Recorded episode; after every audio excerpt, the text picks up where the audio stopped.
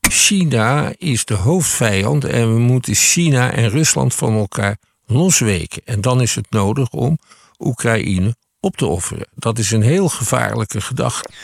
Annexaties kunnen alleen geschieden met instemming van de bevolking. Als de wereld de kans krijgt zich ermee te bemoeien of die kans grijpt. Dat uh, is hopelijk zo snel mogelijk, maar het zal nog wel een hele tijd duren. Je luistert naar de praatkast met gesprekken die er echt toe doen.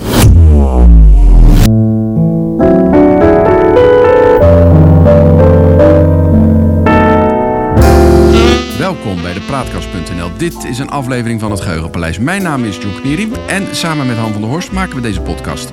De geschiedenis, die herhaalt zich nooit, maar rijmen, dat doet hij vaak wel. En dat gegeven gebruiken we in het Geheugenpaleis om dieper in te gaan op de actualiteit. En om zo te ontkomen aan de waan van de dag en om tot de kern van het nieuws te komen. En zullen wij het dan uh, deze keer eens hebben over een vredesregeling tussen Rusland en Oekraïne? Ook al lopen we daar grote risico's mee, want er zijn hele volkstammen op het moment in Nederland en Europa die je meteen voor landverrader uitmaken. Ja. Als je het woord vredesregeling maar in de mond neemt. Daar hebben ze in zoverre een reden voor, omdat er op het moment geen mogelijkheid is om tot vredesonderhandelingen te komen waarbij Rusland op enige manier bakzeil haalt. Ja, ja, maar ja, ik ben het ook een beetje zat, uh, die oorlog, uh, Han. En ik denk dat het ook tijd wordt dat mensen zich eens uitspreken. En het wil helemaal niet zeggen, in ieder geval in mijn, voor mijn geval geldt dat, uh, dat ik een, een, een Poetin-aanhanger heb. In het geheel niet. Dat is een grote agressor. En die man die moet gestopt worden. Maar weet je hoeveel mensenlevens dit kost? Ja, en wat... Weet je en, en de, de kosten sowieso die zo'n oorlog met zich meebrengt. De inflatie loopt hierop. Uh, er is tekort aan alles. We geven veel te veel geld uit aan, aan allerlei zaken die met die oorlog te maken hebben. En dat betekent dat we straks met z'n allen moeten bezuinigen op gezondheidszorg, op onderwijs. En wat dacht je dan van het milieu? Heb je daar wel eens over nagedacht? Uh, ja, daar heb ik wel over nagedacht. Wat ja. betekent dit nou voor de CO2-uitstoot en ja. voor de stikstofproductie en, uh, en wat dan ook? Want daar wordt in deze oorlog uh, geen enkele rekening mee gehouden. Dat kan ook niet. Maar daar mag je helemaal niet over praten, want dat is een soort, ja, maak je een moreel faux pas als je dat doet.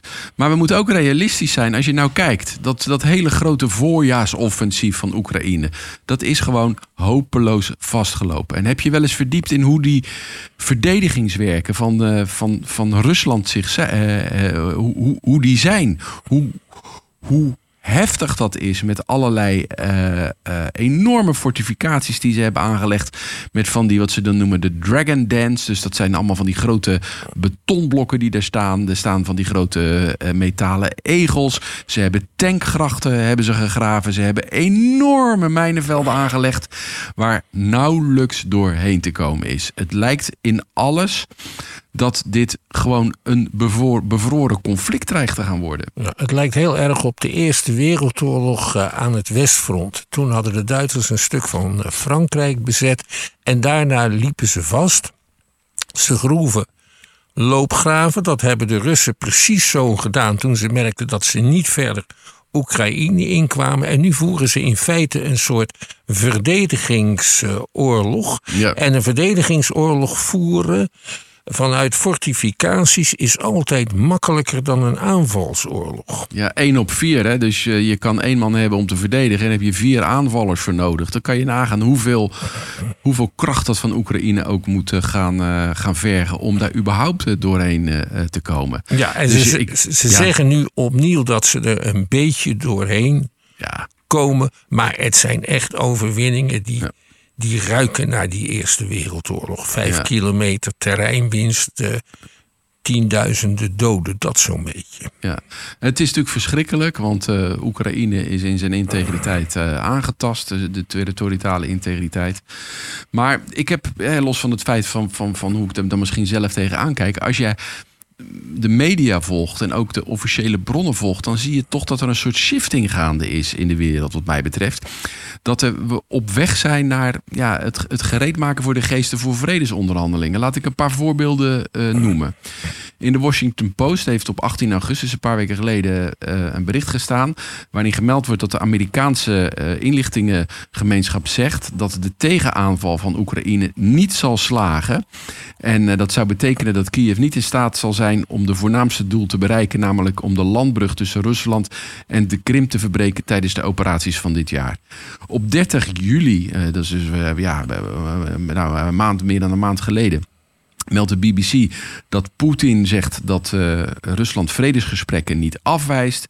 Uh, op 16 augustus heeft een hoge functionaris bij de NAVO zijn excuus aangeboden.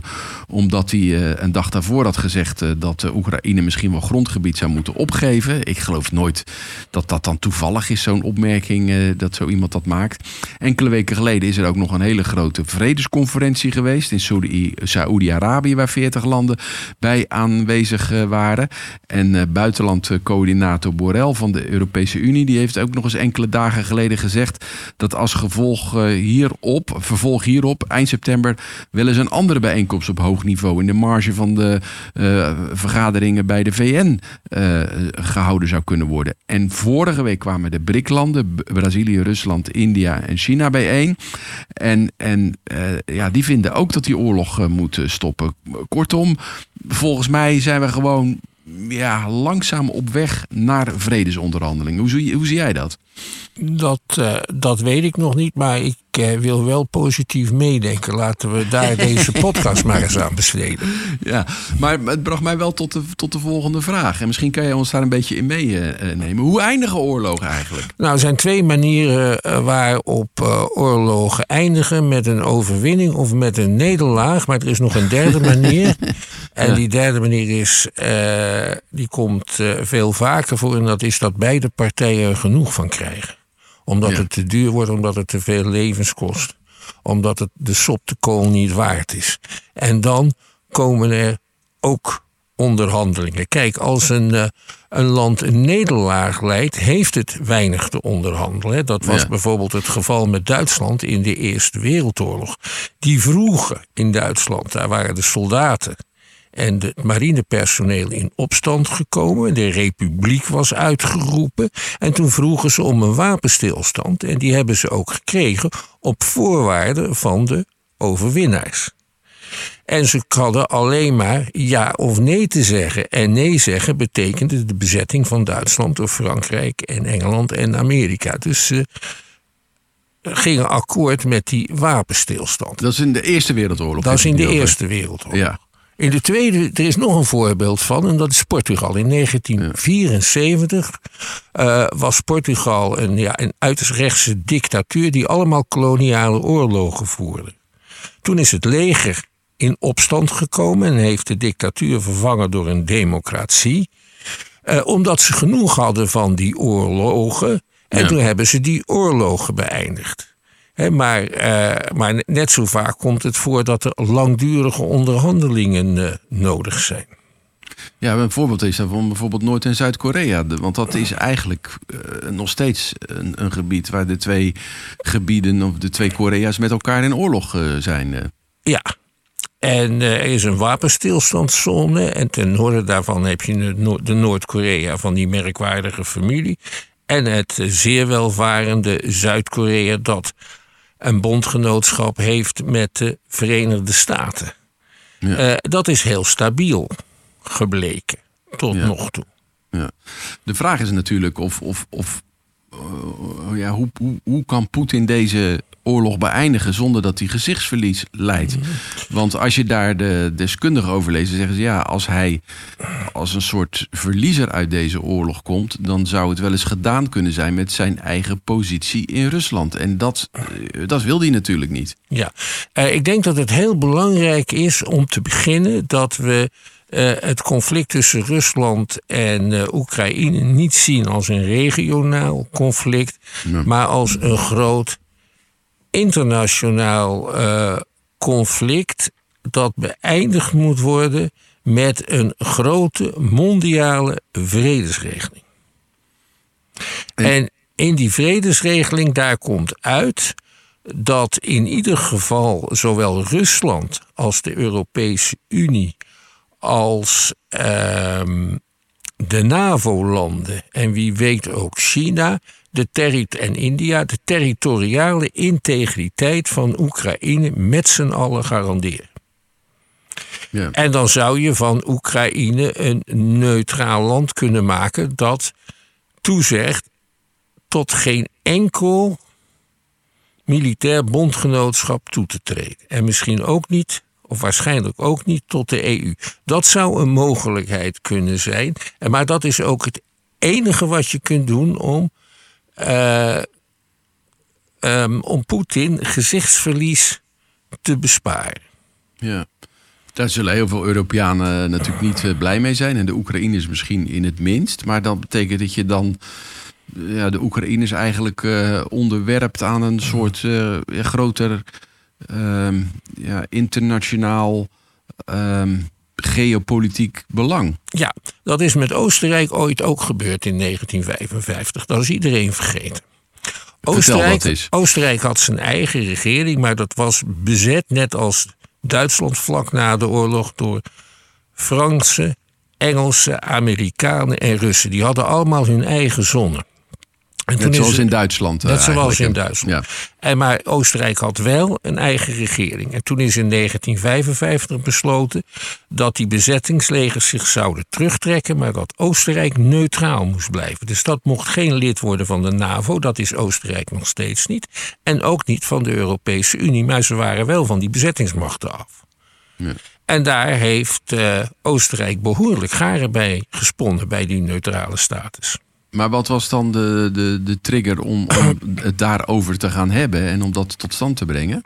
Eh, nou, in, na de dood van Stalin is er iets van een lichte dooi geweest. En het was misschien ook een experiment om te kijken of je met Duitsland ook iets dergelijks kon doen. In ieder geval, al die, die bezetters die wilden ervan af, omdat, het, eh, omdat ze er meer nadeel dan voordeel eh, aan overhielden. Ja. En, en, en zo is dus Oostenrijk uiteindelijk eh, eh, onafhankelijk geworden. Inmiddels maakt het wel deel uit van de Europese Unie. Ja, maar niet van de NAVO. Nee, En als je dat aan de bevolking ook vraagt, is men daar massaal tegen. Ja, toch een wat een oostelijk, oostelijke blik. Eh, Ja. Dat hoorde natuurlijk ook bij dat Habsburgse Rijk. Die Ja. altijd een beetje naar het oosten Zeker. heeft gekeken. Dus Ja, Dat is een eventuele uitkomst zou dat kunnen zijn. Een andere uitkomst zou kunnen zijn dat Oekraïne allerlei gebied opge- opgeeft wat Rusland claimt. Maar dan zou het wel toe mogen treden tot de NAVO en de EU. ja, dus dat het wat- oostelijke gedeelte van, Ja. eh, van de Oekraïne toekomt En aan, de Krim, Rusland. en misschien de Krim ook Ja. wel. Maar dan kan de rest van Oekraïne ook totaal voor het Westen kiezen. Ja. Net als de Baltische Staten dat hebben gedaan. Ja. Dat is een mogelijke oplossing. ja. Eh, Nou, de- Of dat een wenselijke oplossing is, is vers 2. en, en waarom zou het wel of waarom zou het niet wenselijk zijn? Eh, omdat de bevolking niks gevraagd wordt. Ik ga terug naar de Eerste Wereldoorlog. Toen is er in Nederland door zeer vooraanstaande lieden een anti-oorlogsraad gevormd. De voorzitter was eh, meneer Dresselhuis, dat was de secretaris-generaal op het ministerie van Justitie. En zijn tweede man was de sociaal-democraat Schaper. En alle politieke leiders van Nederland die sloten zich daar min of meer bij aan. En die anti-oorlogsraad heeft van alles gedaan, maar die heeft ook een puntenplan opgesteld over waar een rechtvaardige vrede aan moest voldoen. En een van de hoofdpunten was: annexaties kunnen alleen geschieden met instemming van de bevolking. Dat betekent dus dat er referenda gehouden moeten worden. Ja. En een echt onder toezicht staand referendum eh, zou een oplossing zijn voor eh, de Donbass, maar ook voor de Krim. Eh, en dan kan de bevolking zich, eh, zich uitspreken. En als je dat dan ook nog doet per, eh, per gemeente of per district. eh, dan kan het zijn dat je een hele vreemde, kromme grens krijgt met enclaves enzovoort. Ja. Maar, tussen Oekraïne, maar dat geeft helemaal niet. Nee, maar die Oekraïners zullen er tegen inbrengen dat, dat, dat Stalin, heb je wel eens verteld, uh, hele grote groepen uh, etnische Russen naar die gebieden heeft gebracht om het meer bij Rusland te laten horen. Dat is dan toch, ja, daar zou je er toch wat tegen in kunnen brengen, omdat dat dan de manier is om het etnisch zeg maar te zuiveren. Vanuit het perspectief van de Russen. Ja, dat kan allemaal wel wezen, maar als er 100, dat is bijna 100 jaar terug, hè? 80 ja. jaar terug dat Stalin dat. Je kan na 80 jaar niet zeggen, die mensen horen je niet, dat is flauwekul. Ja. En, en uh, Poetin heeft daar ook uh, inmiddels al referenda gehouden. En daar bleek dat uh, die gebieden in overgrote meerderheid heel graag bij Rusland wilden horen. Dat waren ja. waarschijnlijk gefakte referenda, maar toch. Ja, maar dat zijn gefakte referenda, dus dat moet over. Ja. Nou is het ook zo dat die, die oostelijke gebieden zich uh, na de, de machtsovername door uh, de huidige president Zelensky uh, zich ook wel tekort gedaan voelden worden in, in, in de politiek die ze in Kiev bedachten. En dat is een van de oorzaken waarom die oorlog uiteindelijk is uitgebroken. Ja, dat zou eventueel wel kunnen, maar dan zal bij zo'n referendum blijken wat voor de inwoners van die streken het zwaarst weegt. Ja. ja. Maar um, die mensen, die meneer uh, Dresselhuis en meneer Schaper, die, die noemde je net. Uh, die hadden die oorlogsraad bedacht. Dat, dat ja. lijkt misschien een beetje op de voorloper van de Verenigde Naties. Ja, nou daar, daar filosofeerden ze ook over. Een van de leden daarvan was een professor van Vollenhoven, hoogleraar in Leiden. En die heeft ook een soort model voor de Verenigde Sta Naties geschreven. In ja. 1910 al. Dus ook daar waren ze grote voorstanders van. Maar die gedachte leefde in andere landen ook. En daarom is het na de Eerste Wereldoorlog gekomen tot een volkenbond. Een bond, ja. Maar daar mocht Duitsland geen lid van worden. Althans de eerste zeven jaar niet. En daarmee heeft zo'n volkenbond zich natuurlijk verschrikkelijk in de voet geschoten. Het idee van die volkenbond, om hem echt op te richten, dat kwam van president Wilson van de Verenigde Staten. En toen ze in de Verenigde Staten eh, merkten dat Duitsland geen lid moest worden, toen was de algemene opvatting aan deze flauwekul doen we niet mee. En toen heeft de Senaat lidmaatschap van de Verenigde Staten van de Volkenbond afgewezen. Ja, oh, dus de Verenigde Staten was geen lid van de Volkenbond? Nee. Die, uh, ja. die, die, die, deze, dit is niet de volkenbond die wij willen. Dit is belachelijk. Ja. Nou is er een oud Chinees gezegde ook. Uh, uh, dat zegt van ja, bouw voor je tegenstander een gouden brug. En volgens mij heeft de vrede van Versailles naast, na de Eerste Wereldoorlog ook ertoe geleid. Want toen werd Duitsland zo benadeeld ja. dat daar direct de Tweede Wereldoorlog uit ja. is gekomen. Dus die lessen moeten we dan toch ook trekken. Ik bedoel, Rusland gaat toch niet van de kaart verdwijnen na, nadat deze oorlog stopt? Nee, precies, dat is ook zo. Kijk, die vrede van Versailles daar is, bij, daar is maanden en maanden over onderhandeld door de overwinnaars. En die hadden daarna een zeer uitgebreid vredesverdrag, waarin onder meer stond dat Duitsland sterke drank nooit cognac mocht noemen.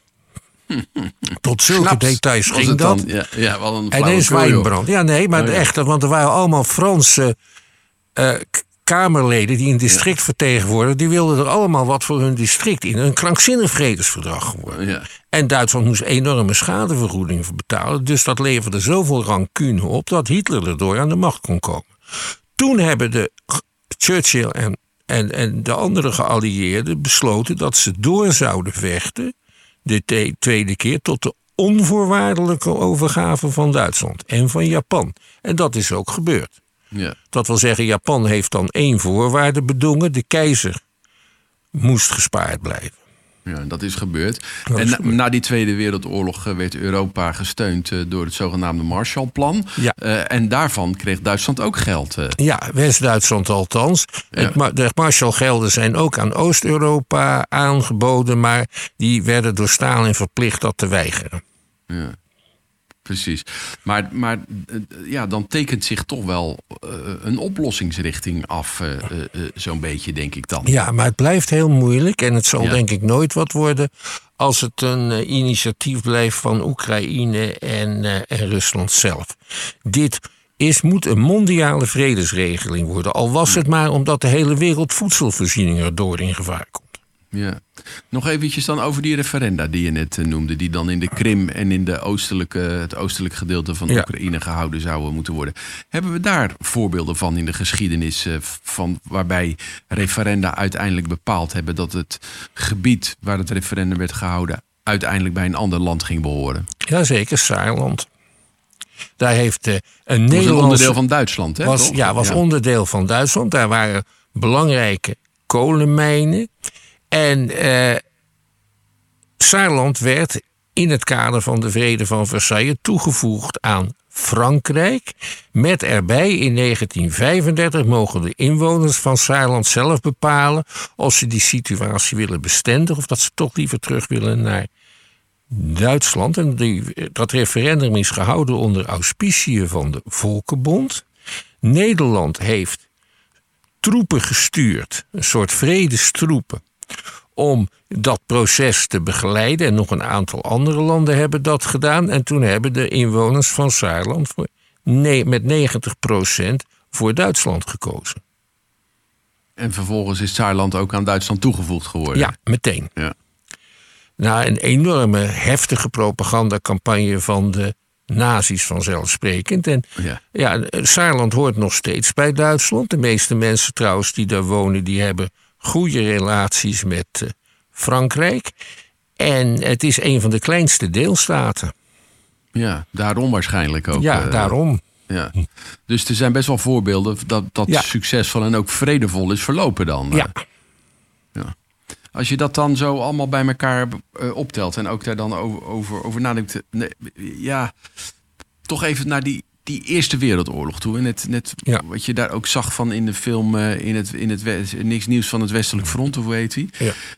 Eh, op Netflix te zien. Een, een gruwelijke film, maar ook een gruwelijk goede film. Eh, daar zie je dat ook ja, dat conflict helemaal in vast komen te liggen. En dan gaat het een paar kilometer naar links, een paar kilometer naar rechts. Eigenlijk hetzelfde wat we nu zien Ja. in de Oekraïne.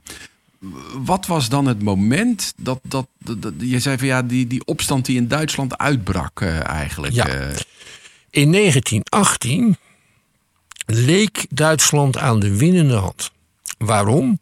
Rusland was ingestort, daar voerden ze ook oorlog mee. En er was een vrede gesloten met, eh, met Lenin en Trotsky, de vrede van Brest-Litovsk. Dus Rusland was min of meer uit de Eerste Wereldoorlog.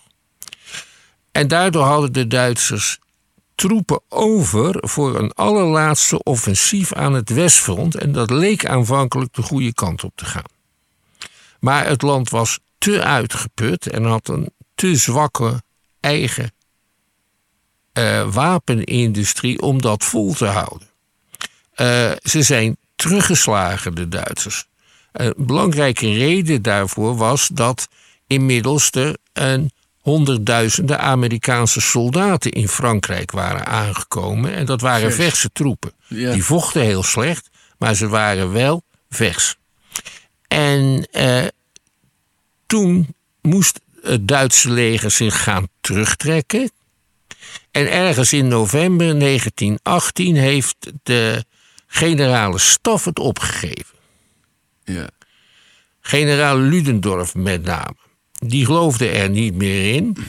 Ehm, en toen gingen ze een manier verzinnen om ervoor te zorgen dat de nederlaag aan anderen werd toegeschreven. En dat, nou, en maar dat werd onderbroken door, eh, door de revolutie en de republiek. En de republiek heeft die wapenstilstand gesloten.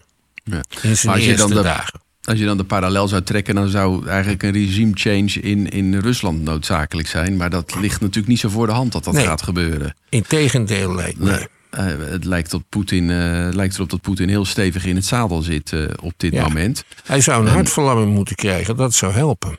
Ja, maar de vraag is of wat er dan komt eh, niet nog Ja. erger is dan Poetin zelf. Dat weten we natuurlijk ook niet. Dat is ook volstrekt onduidelijk. Je hoort daar allerlei deskundigen over praten en emmeren en zo. Maar uiteindelijk komt het erop neer dat ze zeggen: ja, er zijn vier mogelijkheden. Nou, dat kan ik ook verzinnen. ja.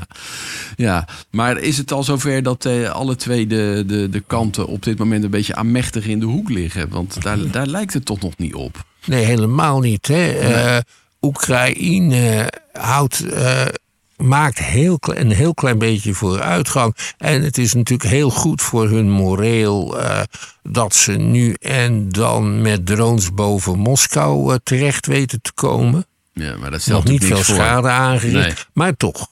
Ja. Dus ze, willen dit, ze moeten dit ook volhouden, omdat Poetin alleen maar met een overgave uh, genoegen neemt. Er is nog een belangrijk uh, vergelijkingspunt met de Eerste Wereldoorlog. Uh, in de Eerste Wereldoorlog dachten de Duitsers dat ze dit in een paar maanden wel geregeld konden hebben. Daar zag het de eerste weken ook naar uit. En toen liepen ze vast. Datzelfde geldt voor Poetin. Die dacht, we overrompelen Oekraïne in, in een dag of tien maximaal. En over drie dagen ja. staan we in Kiev en worden onze troepen door de uh, opgeluchte bevolking toegejuicht. En het tegendeel is gebeurd. Uh, ja. Dus nou zit hij met een oorlog die vastloopt. En die voor een belangrijk deel uh, is geworden wat de Duitsers een materiaalslag noemen. Een uh, slag waarvan de uitkomst wordt bepaald door de partij die de meeste vuurkracht heeft en blijft behouden. Maar daarbij zijn ze wel op dit moment behoorlijk aan elkaar uh, gewaagd. En geen, elk wapen, geen enkel wapen wat tot nu toe ingebracht is, is een gamechanger geweest. Dus daar geloof ik ook helemaal nee, maar Dat betekent bijvoorbeeld dat het nog een jaar of drie, vier kan duren. Als het op deze ja. manier doorgaat. En als het Westen bereid blijft die oorlog te betalen. Ja, want als uh, Trump weer aan de macht komt, of de DeSantis, uh, de een van de republikeinse uh, pretendenten voor het presidentschap, dat zijn mensen die heel fel tegen de oorlog zijn. En het zou ook wel eens kunnen dat er binnen democratische partijen stemmen opgaan om de, de steun een beetje terug te brengen. En dan komt de situatie ja. natuurlijk wel wat anders te liggen. Zeker. En er zijn ook stemmen binnen de Republikeinse partij vooral die zeggen. China is de hoofdvijand en we moeten China en Rusland van elkaar losweken. En dan is het nodig om Oekraïne op te offeren. Dat is een heel gevaarlijke gedachte. Ja. Ja, zo zie je dat het eigenlijk deel uit gaat maken van een heel groot geopolitiek spel. Ja. waarin uh, ook China een uh, belangrijke rol uh, gaat spelen. En al speelt. Ja. Ja, nou ja, af, afrondend, Han. Wanneer zullen de eerste serieuze gesprekken plaats gaan vinden, denk je? Als beide partijen uitgeput zijn. En als de wereld de kans krijgt zich ermee te bemoeien of die kans grijpt. Ja, en, en wanneer is dat? dat is hopelijk zo snel mogelijk, maar het zal nog wel een hele tijd duren. Het enige wat wij kunnen doen als eenvoudige burgers uh, is erop hopen, ervoor pleiten en die oude regels van de Anti-Oorlogsraad van Nederland weer eens opgraven. Dat zouden we hier in ja. Nederland dus bijvoorbeeld kunnen doen. het zijn vijf punten, die ga ik even voorlezen ter afsluiting ja. van deze podcast. Dus, ja. één geen annexatie zonder referendum. Ten tweede, dat is uh, vrijhandel, dus open grenzen voor handelsproducten. Ten derde, een vermindering van de wapens, dus je moet daarna gaan praten over ontwapening. Ten vierde, er mogen geen geheime verdragen worden gesloten. En ten vijfde, van alle deelnemende partijen moet de buitenlandse politiek gecontroleerd worden door het gekozen parlement. Dat is eh, bijvoorbeeld in Nederland nog absoluut niet het geval. Hè? Dus de, de Nederlandse regering kan bijvoorbeeld in de EU behoorlijk haar gang gaan zonder eerst toestemming te vragen aan het parlement. Dat is een ja. belangrijke regel, regel 5. Nou, dat zijn ja. in ieder geval mooie punten om als burgers naar voren te brengen. En verder moet het een internationale vredesregeling zijn. De opvolger van de vredesregeling na de Tweede Wereldoorlog. Laten we daarmee afsluiten, deze aflevering eh, van het eh, Geheugenpaleis. We maken dit in samenwerking met de Praatkast. En de uitzendingen zijn dan ook te vinden op www.praatkast.nl. En abonneren op onze podcast kan in de podcast-app die je eh, gebruikt. Krijg je automatisch een bericht wanneer een nieuwe aflevering online komt. Doe dat alsjeblieft. En wil je ons mede sturen, dan een bericht naar info.praatkast.nl. Voor nu bedankt voor het luisteren en tot de volgende keer. Wees gelukkig, blijf gezond.